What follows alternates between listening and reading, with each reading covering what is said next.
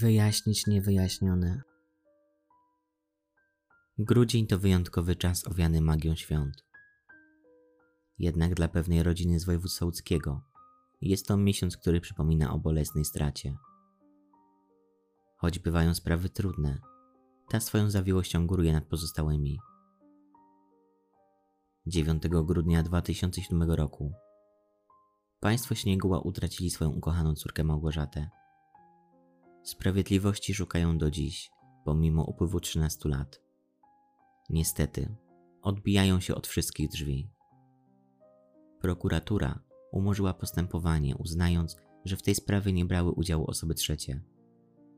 Dowody jednak temu przeczą. Choć rodzina wskazuje nieścisłości akt, sprawy są umarzane.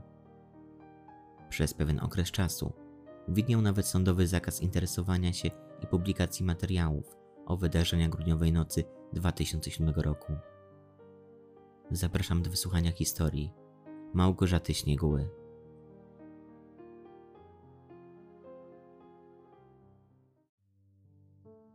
Małgorzata Śnieguła miała 29 lat. Ukończyła studia na kierunku marketing i zarządzanie, a po uzyskaniu tytułu magistra podjęła pracę w PKP Cargo na dziale przewozów i taryf. Kochała swoją pracę, kochała swoje życie. Wszystko zaczęło układać się jak w bajce. We wrześniu 2007 roku wyszła za mąż. Od zawsze marzyła też o domu z pięknym ogródkiem. Marzenia te postanowiła spełnić. Właśnie w Chorobotach budował się jej upragniony dom. Inwestowała w niego wszystkie swoje oszczędności. Małgorzata posiadała też własne mieszkanie w Skierniewicach, które zakupiła przy pomocy finansowej rodziców i dziadków. Mogła sobie pozwolić na taki wydatek, ponieważ mieszkanie było wzięte na kredyt. Niestety, dwa miesiące po ślubie ktoś przerwał szczęście Małgorzaty. W tym materiale chciałbym opowiedzieć o wstrząsających kulisach śledztwa, śledztwa na niby. Małgorzata Śnieguła, zapytana kiedyś przez pewnego starszego pana w pociągu, czy jest szczęśliwa, odpowiedziała: Tak, jestem szczęśliwa. Dlaczego? Dlatego, że żyję, jestem zdrowa, widzę i słyszę. Mam dach nad głową, rodzinę, którą kocham. Te słowa na zawsze utkwiły w pamięci jej siostry Joanny. Małgorzata miała dwie młodsze siostry, wspomnianą wcześniej Joannę i Lucynę. Były ze sobą bardzo zżyte. Każdego dnia dzieliły się wspólnie troskami, porażkami i sukcesami. To były siostry, ale żyły jak najlepsze przyjaciółki. Dzieliły się wszystkim, dlatego nigdy żadnej nie uszłoby uwadze, gdyby jednej z nich działa się krzywda. Mówiły o sobie, że są świętą trójcą nie do pokonania. Ze wszystkimi swoimi problemami, młodsze siostry najpierw chodziły do najstarszej Małgorzaty. Rodzice zawsze im powtarzali, że muszą się wzajemnie szanować i trzymać razem w trójkę, bo kiedyś ich zabraknie, a one zostaną razem. Tak miało być. Mówiły sobie o wszystkim. Jak Małgorzata mieszkała jeszcze w rodzinnym domu, każdy wieczór do późna spędzały na gawędzeniu, chodziły razem na długie spacery. Gdy najstarsza z sióstr wyprowadziła się do swojego mieszkania, ich relacje również nie uległy zmianie. Małgorzata często dzwoniła i przyjeżdżała do rodzinnego domu. Joanna jest pewna, że gdyby jej siostra miała jakiekolwiek problemy czy zmartwienia, wiedziałaby o tym cała rodzina. Małgorzata zawsze otwarcie mówiła o wszystkim, co się u niej dzieje, czym się martwi. Ostatni raz Joanna Śnieguła widziała Małgorzatę na tydzień przed jej śmiercią. Pojechała do jej mieszkania, aby oddać pieniądze, które wcześniej pożyczyła. Zastała siostrę i szwagra szykujących się do pracy. Małgorzata, zadowolona, pracowała koszulę. Żartowała, że teraz ma więcej prania i pracowania. Kobiety umówiły się wtedy, że dopiero w niedzielę najstarsza z sióstr przyjedzie do rodzinnego domu, bo na sobotę Mąż Małgorzaty miał już mieć plany. Wybierał się na budowę ich domu. Później rozmawiały wyłącznie telefonicznie. W sobotę 8 grudnia Małgorzata rozmawiała po raz ostatni z siostrą Lucyną. Kobieta zadzwoniła do domu, opowiadając, że była już na zakupach, że robi pranie i gotuje obiad na niedzielę dla męża. Wspomniała, że mężczyzna pojechał rano na budowę, a ona poszła na rynek. Potwierdziła, że przyjadą dopiero w niedzielę i poprosiła, aby Lucyna przekazała to babci. Małgorzata w sobotę również skontaktowała się z mamą. Opowiadała, że dopiero wstała. Gdy mama zapytała dlaczego, powiedziała, że była potężna awantura z jej mężem. Miała opowiedzieć mamie wszystko w niedzielę, jak tylko przyjedzie. Niestety, Małgorzata już nie dotarła na umówione spotkanie. Małgosia nie odbiera. W niedzielę 9 grudnia 2007 roku państwo Śniegła wracali z kościoła. Było to około godziny 14. Niespodziewanie zadzwonił do nich wtedy mąż Małgorzaty. Mężczyzna zwrócił się z pytaniem, czy Małgorzata kontaktowała się z rodzicami. Państwo Śniegła odpowiedzieli zgodnie z prawdą, że nie, że dziś się nie odzywała. Powiedział wtedy, że jest pewien problem, bo nie może wejść do mieszkania. Dzwoni i słyszy telefon. Dodał, że pewnie coś tam się musiało stać. Jak się później okazało, mąż Małgorzaty w pierwszej kolejności zadzwonił po swojego brata, który przybył na miejsce wraz ze swoją żoną. Dopiero po przyjeździe brata powiadomiona została policja. Strażak dostał się do mieszkania przez wybite okno w kuchni. Rodzice Małgorzaty Śnieguły dotarli pod blok córki około godziny 15. Na korytarzu zastali policję i całą rodzinę zięcia, brata i rodziców. W tym samym czasie Joanna Śniegła miała zajęcia na uczelni, ale zupełnie nie potrafiła się na niczym skupić. Czuła wewnętrzny niepokój. Dlatego postanowiła urwać się z dalszych zajęć i wrócić do domu. Pocieszała ją myśl, że będzie tam na nią czekać ukochana siostra. Gdy Joanna była już w pociągu, zadzwoniła do niej mama. Miała zapłakany głos. Poprosiła, by Joanna szybko przyjechała do Małgosi. Nie chciała jednak powiedzieć jej, co się stało. Joanna śnieguła. Pomyślała wtedy, że coś się stało jej szwagrowi, że miał jakiś wypadek. Po dotarciu na miejsce zobaczyła, że pogotowie ratunkowe zabiera jej tatę. Mama cała się trzęsła, płakała. Na schodach prowadzących na strych siedziała rodzina męża Małgorzaty. On sam siedział pod ścianą, obok drzwi wejściowych na torbach podróżnych. Mama Joanny powiedziała jej wtedy, że Gosia nie żyje. Zrozpaczona kobieta próbowała dostać się do mieszkania siostry, ale policja nie pozwoliła na to. Nie wpuszczono również rodziców Małgorzaty. Joanna pamięta, że pytała szwagra wtedy, co się stało, gdzie był, ale on nie odpowiadał. Siedział na torbach ze spuszczoną głową i milczał. Kobiety nie wiedzą, co było dalej, jak i kiedy dotarły do własnego domu. Mieszkanie Małgorzaty. Strażak, żeby dostać się do wnętrza mieszkania, musiał wybić okno w kuchni. Po wejściu okazało się, że w mieszkaniu Małgorzaty był zerwany karnisz. W szafie w korytarzu otwarte drzwi. Ubrania były w nieładzie. Stłuczona lampka nocna i zarysowane drzwi od szafy. W pokoju, na podłodze obok łóżka, leżała na równo rozłożonej kołdrze Małgorzata. Po otwarciu drzwi wejściowych do mieszkania mogli wejść funkcjonariusze policji, prokurator i lekarz. Do mieszkania wpuszczono również męża Małgorzaty, jego brata i bratową. Według zeznań, Małgorzata Śnieguła leżała wyprostowana na brzuchu, z zaciśniętymi rękami. W dłoni miała zaciśnięte krótkie włosy. Przekręcono ją, aby sprawdzić funkcje życiowe, a następnie przykryto ją kołdrą. Na miejscu nie zabezpieczono nic, zupełnie nic. Również nie pobrano żadnych śladów do badań. Tak, jakby przyczyna była już znana. Rodzina Małgorzaty ma żal do prokuratora, że wpuszczono na miejsce rodzinę męża kobiety. Według nich swobodnie można było wtedy zacierać najważniejsze dowody w sprawie. Pracujący na miejscu lekarz nie wykluczył jednak udziału osób trzecich. Zważywszy na obrażenia, jakie znajdowały się na ciele Małgorzaty. Tutaj jednak nie będę cytować ich opisu. W opisie pod odcinkiem zostawię link do artykułu z Gazety Śledczej. Zawiera on szczegółowy opis, także dokumentację fotograficzną.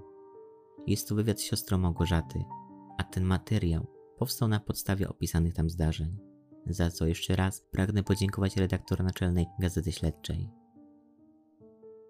Wracając jednak do sprawy.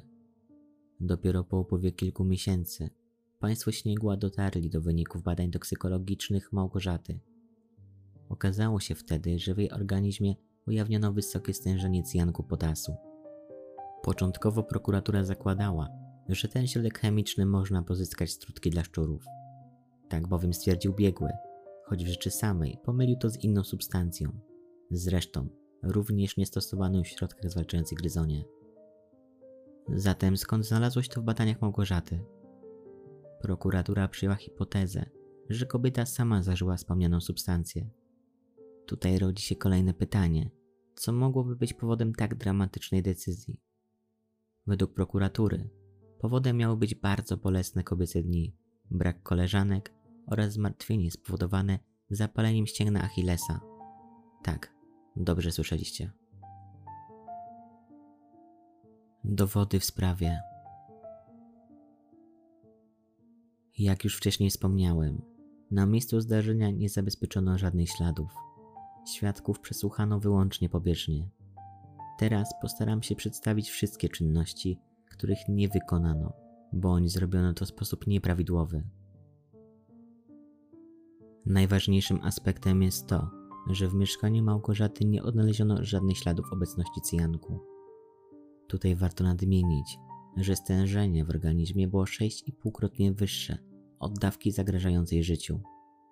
W badaniach ujawniono zawartość 16 mg środka. Niemożliwym jest zatem, aby po zażyciu Małgorzata mogła jeszcze posprzątać mieszkanie i wyrzucić opakowanie. Taka dawka działa ze skutkiem natychmiastowym. Gdyby nie badania toksykologiczne, najpewniej by tego nie ujawniono, ponieważ nie zlecono badań treści żołądkowych. Dopiero policjanci Archiwum X ustalili, że cyjanek mógł znajdować się w kapsułce leku przeciwbólowego. Ktoś musiał podmienić jej zawartość. Pomimo tych ustaleń, prokuratura nie zdecydowała się na wznowienie śledztwa. Małgorzata nie miała żadnej możliwości zdobycia cyjanku. Środek ten nie jest tak łatwo dostępny, jak twierdzi prokuratura. Natomiast brat męża Małgorzaty jest z wykształcenia chemikiem. W jego domu zabezpieczono wiele przyrządów do wytwarzania substancji chemicznych. Mężczyzna sporządzał kiedyś domu roztwór, w którego skład wchodziły jony cyjanku.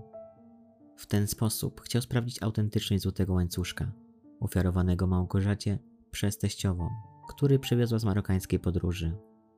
Podczas tego doświadczenia okazało się, że łańcuszek nie był złoty.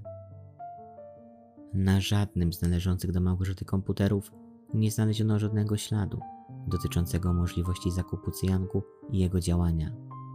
Na komputerach szwagra chemika znaleziono zabezpieczone tajne foldery, których prokurator nie potrafił odtworzyć. Ubranie Małgorzaty Śnieguły nie miało żadnych śladów zniszczenia, wyraźnie widocznych na fotografiach sporządzonych do akt. Prawdopodobnym jest, że takowe ślady mogły się znaleźć. Tyle, że ubranie prokuratura zgubiła. Po upływie znacznego czasu prokuratura zwróciła się z prośbą do rodziców Małgorzaty o przekazanie im piżamy córki. Państwo Śnieguła jednak nie byli w jej posiadaniu. Jak się później okazało, piżama została spalona, ale do tego jeszcze dojdziemy. Podobny los spotkał kołdrę, na której leżała Małgorzata oraz dywan. Obie rzeczy zostały wyprane przez teściową kobiety. Na pytanie rodziny Małgorzaty, dlaczego to zrobiła, wyraźnie się oburzyła, argumentując, że po co takie brudne rzeczy miały leżeć w mieszkaniu, skoro można było je uprać. Państwo Śnieguła nie kryli swojej wściekłości z faktu, że matka ich zięcia sprzątała w mieszkaniu ich córki. Prawo własności należało wyłącznie do Małgorzaty. Pomimo tego, że rodzice kobiety 11 grudnia 2007 roku, czyli dwa dni po tragedii, zastrzegli w prokuraturze, aby nikomu nie wydawać kluczy do mieszkania, spotkali się z tym, że klucze trafiły do rąk rodziny męża Małgorzaty. Kolejnym aspektem jest fakt, że pytania prokuratury dotyczyły głównie, jak zachowywała się Małgorzata w środowisku, jakie miała relacje z rodziną i znajomymi. Przysłuchiwano nauczycieli Małgorzaty ze szkoły podstawowej, pytając nauczycielki, czy kobieta w szkole podstawowej nie miała myśli autodestrukcyjnych. Największą pracę, jaką wykonał prokurator w całym śledztwie, była budowa portretu psychologicznego Małgorzaty Śnieguły w wieku 7 lat. Na tym postępowanie zakończono. Nieistotne były spostrzeżenia rodziny, wnioski o przesłuchanie wskazanych przez nich osób, czy o zabezpieczenie dowodów rzeczowych. Na błagalne prośby rodziców Małgorzaty, by zabezpieczyć mieszkanie w celu pobrania dowodów z dywanu i mebli, państwo Śnieguła mieli usłyszeć od jednej pani prokurator, że naoglądali się zbyt dużo filmów amerykańskich, zaś prokuratura wie co robi. Sąsiedzi Małgorzaty Śnieguły zeznali, że w nocy z 8 na 9 grudnia słychać było głośną rozmowę kobiety i mężczyzny. Sąsiad mieszkający za ścianą słyszał głośne tupnięcie, jakby coś upadło, albo zamknęła się wersalka. Sąsiedzi widzieli też w sobotę rano na klaty schodowej ślady naniesionego błota, które prowadziły do mieszkania Małgorzaty. Policja nie zabezpieczyła tych śladów. Sąsiadka z dołu opowiada ojcom Małgorzaty, że tej nocy słyszała potężną awanturę. Było tak głośno, że nie mogła tego słuchać i włączyła telewizor, aby zagłuszyć wrzaski. Kolejnymi pominiętymi śladami były włosy zaciśnięte w pięści Małgorzaty. W trakcie śledztwa nie zbadano do kogo należały. W aktach stwierdzono, że te włosy należą do niej. Jak widać na zdjęciach, były to krótkie włosy.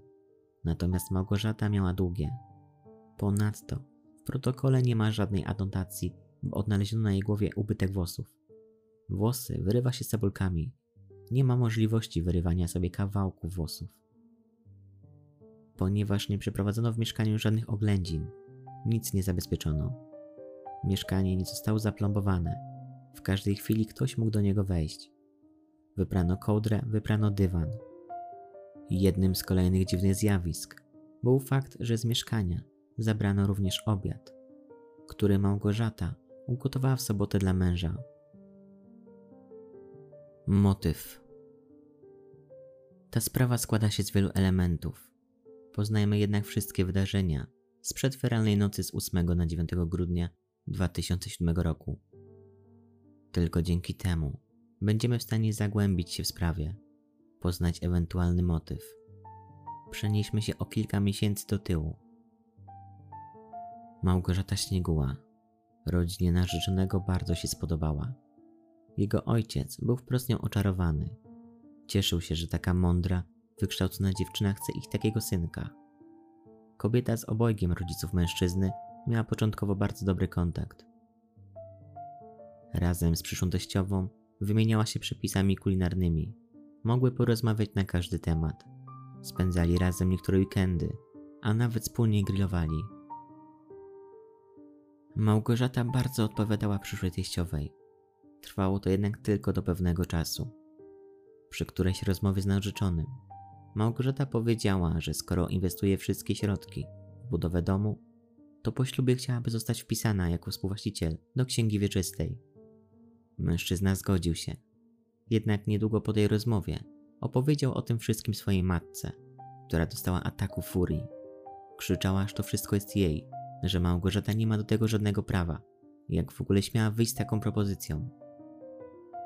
Konsekwencją tej rozmowy miała być groźba ze strony przyszłej teściowej. Miały paść słowa, że może w ogóle do tego ślubu nie dojść. Mimo wszystko, narzeczony Małgorzaty zadeklarował jej, że po ślubie wspólnie będą właścicielami nieruchomości, choć jego mamie się to nie podoba. Kolejnym zaskoczeniem było to, że na dwa tygodnie przed ślubem państwo Śniegła zostali wezwani na rozmowę dyscyplinującą przez matkę narzeczonego ich córki. Musieli udać się do żuratowa na rozmowę w sprawie zachowania Małgorzaty. Usłyszeli wtedy od kobiety, że ona wraz z mężem przestali mogło się już tak bardzo lubić i nie żywią już do niej sympatii. Nie podoba im się, jak się zachowuje. Według nich Małgorzata zaczęła się dziwnie zachowywać. Jest przygaszona, marudna i chodzi dumna. Nie wiedzą, co się z nią dzieje. Zastanawiają się, czy dojdzie w ogóle do ślubu. Małgorzata, gdy dowiedziała się, co mówi o niej teściowa, zdenerwowała się. Powiedziała wtedy, że nie chce nic od tej kobiety. Ona ma gdzie mieszkać i nie będzie już więcej dokładać do budowy domu, skoro nie zostanie współwłaścicielem. Było jeszcze jedno zdarzenie, które miało miejsce w domu narzeczonego Małgorzaty. Matka przyszłego pana młodego była krawcową i to właśnie ona szyła suknię ślubną. Podczas przymiarek Małgosia miała pewne obiekcje co do kroju sukienki. Jedna z halek była krzywo doszyta. Kobieta zwróciła wtedy uwagę teściowej, że chciałaby to poprawić, coś zmienić. W mojej ocenie to naturalne, że każdy chce wyglądać idealnie, tym bardziej, że to była suknia na wymarzony ślub. Teściowa Małgorzaty wściekła się wtedy. Przy drugiej przymiarce zadzwoniła do mamy Małgorzaty i zażądała, by szybko przyjechała do swojej córeczki, bo jej się nic nie podoba. Niech matka z ojcem przyjadą i zobaczą. Państwo Śnieguła zostawili wszystko i pojechali. Matka przyszłej panny młodej również miała obiekcje odnośnie sukni i jej długości. Małgosia bardzo żałowała, że dałaś teściowej namówić, że to właśnie ona szyje suknię ślubną. Kolejne niepokojące wydarzenie miało miejsce na dwa tygodnie przed ślubem. Wieczorową porą do domu rodzinnego przyjechała zapłakana Małgorzata wraz ze swoim narzeczonym. Przez łzy powiedziała rodzinie, że wesela nie będzie. Ktoś zadzwonił do sali weselnej i podał się za pana młodego, odwołując przyjęcie. Zaliczka przepadła niestety bezpowrotnie. Zwyczajowo przyjęte jest, że sale weselne rezerwowane są przez przyszłą pannę młodą bądź jej rodziców. Ale w tym przypadku dokonał tego pan młody. Rodzice Małgorzaty Śnieguły stwierdzili, że musiał to być ktoś, kto wiedział doskonale, że sala zarezerwowana jest na jego nazwisko. Poprosili wtedy Małgorzatę, aby pomyślała o przełożeniu daty ślubu, bo dzieje się coś bardzo dziwnego. Ich zdaniem był to bardzo zły znak, w pewnym stopniu ostrzeżenie. Wcześniej matka pana młodego chciała odwoływać ślub, dlatego pierwsze podejrzenia spadły na nią. Młoda para po rozmowie uznała, że pomimo przeszkód chcą tego ślubu. Rozpoczęły się zatem gorączkowe poszukiwania nowej sali weselnej. Dopiero w trakcie śledztwa okazało się, że za odwołaną salą stała była dziewczyna pana młodego. Kobieta najpierw telefonicznie zrezygnowała z terminu w imieniu rodziny młodego. Później odegrała prawdziwe przedstawienie. Bojąc się, że Małgorzata wyjaśni tę sprawę i odzyska salę, postanowiła wynająć aktorów. Pojechała wraz z nimi na miejsce, gdzie miało odbyć się przyjęcie. Podstawiona młoda para zarezerwowała świeżo zwolniony termin. W tym celu zapłacono nawet zaliczkę w wysokości 800 zł. Dodatkowo kobieta wypłaciła pensję swoim aktorom. Według relacji świadków sprawa była bardziej złożona. Poprzednia dziewczyna pana młodego nie potrafiła znieść myśli o jego ślubie. Rozstali się, ponieważ nie odpowiadała swojej teściowej. Pomimo tego mężczyzna dalej się z nią spotykał, zarówno w trakcie narzeczeństwa z Małgorzatą, jak i po ich ślubie. Bilingi telefoniczne potwierdzają, że kontakt był utrzymywany nawet po śmierci Małgorzaty. Pewnego razu kobieta poprosiła jednego z kolegów o wskazanie adresu zamieszkania Małgorzaty Śnieguły. Według relacji świadków miała później wystawać pod blokiem Skierniewicach długie godziny. Niedługo po śmierci Małgorzaty Śnieguły okazało się, że przyjaciółka jej męża jest w ciąży. Jednak nigdy nie potwierdzono, kto jest biologicznym ojcem dziecka. Ówczesny partner kobiety miał się zarzekać, że nie może mieć dzieci. Ten sam mężczyzna zeznawał też w sprawie Małgorzaty. Został powołany na świadka, który miał zapewnić stalkerce alibi. Podczas badania poligrafem zaprzeczył, aby tę noc spędzali wspólnie. Niedługo po tych zeznaniach mężczyzna zaczął się ukrywać. Do dziś ciężko jest go namierzyć. Na koniec tego rozdziału chciałbym odczytać wiadomość SMS, jaką stalkerka Małgorzaty Śnieguły wysłała do młodego wdowca na trzy miesiące po jej śmierci. Doskonale wiem, kiedy nasze drogi rozeszły się bezpowrotnie. Tak jak piszesz, wcale nie myślałam, że dla ciebie umarłam, a umarli nie zmartwychwstają. Koszmar trwa nadal. Mąż Małgorzaty nie okazywał żadnych uczuć. Na miejscu, w dniu gdy ciało Małgosi znaleziono, on zachowywał spokój. Nie okazywał emocji załamania. Jego rodzice byli zdenerwowani, irytowali się na pytania śniegułów. Przed ujawnieniem przyczyny śmierci Małgorzaty rozpowiadali, że kobieta spadła z łóżka i się poobijała oraz że jadła dużo tabletek, jak cukierki. Choć było to nieprawdą. Joannę Śniegułę zastanawia za to coś innego. Skąd teściowa jej siostry? Wiedziała, że Małgorzata była sina i pobijana, skoro nie była w mieszkaniu. Na miejsce nie wpuszczono nawet rodziców kobiety. Taki sam zakaz wejścia otrzymali w zakładzie medycyny sądowej. Co prawda, znaleźli na to swoje obejście, aby móc pożegnać się z córką. Męża Małgorzaty nie interesował pogrzeb żony. Według relacji jej rodziny chciał ją nawet pochować w ubraniach, w których chodziła na co dzień do pracy. Był wyjątkowo spokojny, opanowany. Nie można było wyczytać z niego żadnych emocji. Joanna i Lucyna Śnieguła zastanawiały się, dlaczego jest taki obojętny. Kilka tygodni po pogrzebie Małgorzaty Śnieguły ktoś zniszczył jej nagrobek. Ponownie Policja nie ustaliła nic. Śledztwo zostało umorzone z powodu niewykrycia sprawcy. Obok grobu Małgorzaty wyryto w ziemi napis Wisła Pan, a po drugiej stronie na ziemi wyryto cztery symboliczne groby z krzyżami, dwa duże i dwa małe, odpowiednio po jednym dla rodziców Małgorzaty i jej sióstr. Rodzinę Śnieguła zastanawiał również napis Wisła Pan – zwłaszcza bardzo charakterystyczna pisownia litery S, zdaniem rodziny Małgorzaty, identyczna do charakteru pisma byłego zięcia, choć są to tylko ich domysły. Znaleziono także odciski butów męskich o dużym rozmiarze. Dla policji i prokuratury nie były to żadne dowody, aby podjąć odpowiednie działania. Nie zrobiono w tej sprawie nic.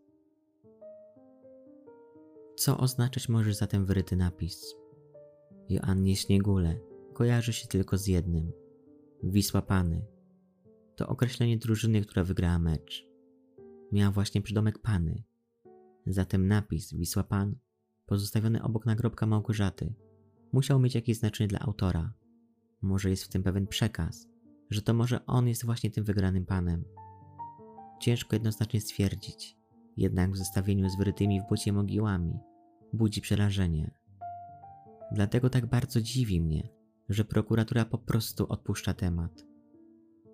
Policja początkowo bardzo angażowała się w wyjaśnienie sprawy Małgorzaty Śnieguły, zwłaszcza jeden z funkcjonariuszy policji, który uparcie dążył do wyjaśnienia tej zagadkowej śmierci. Dzięki niemu pojawiła się znów nadzieja, że winny poniesie karę. Niestety, na nadziei się skończyło. W domysłach państwa Śnieguła został on odsunięty od sprawy przez prokuraturę. Na koniec warto wspomnieć o jeszcze jednym, wydawać by się mogło najważniejszym szczególe.